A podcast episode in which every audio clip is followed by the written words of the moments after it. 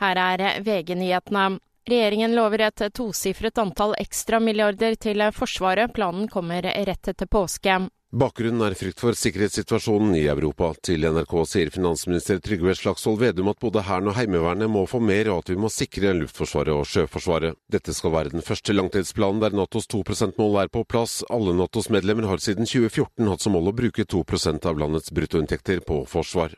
Reporter Frode Sti. Donald Trump ber en føderal dommer om å henlegge saken der han er anklaget for å ha beholdt hemmelige dokumenter etter at presidentperioden var over. Han argumenterer med at straffesaken har juridiske mangler.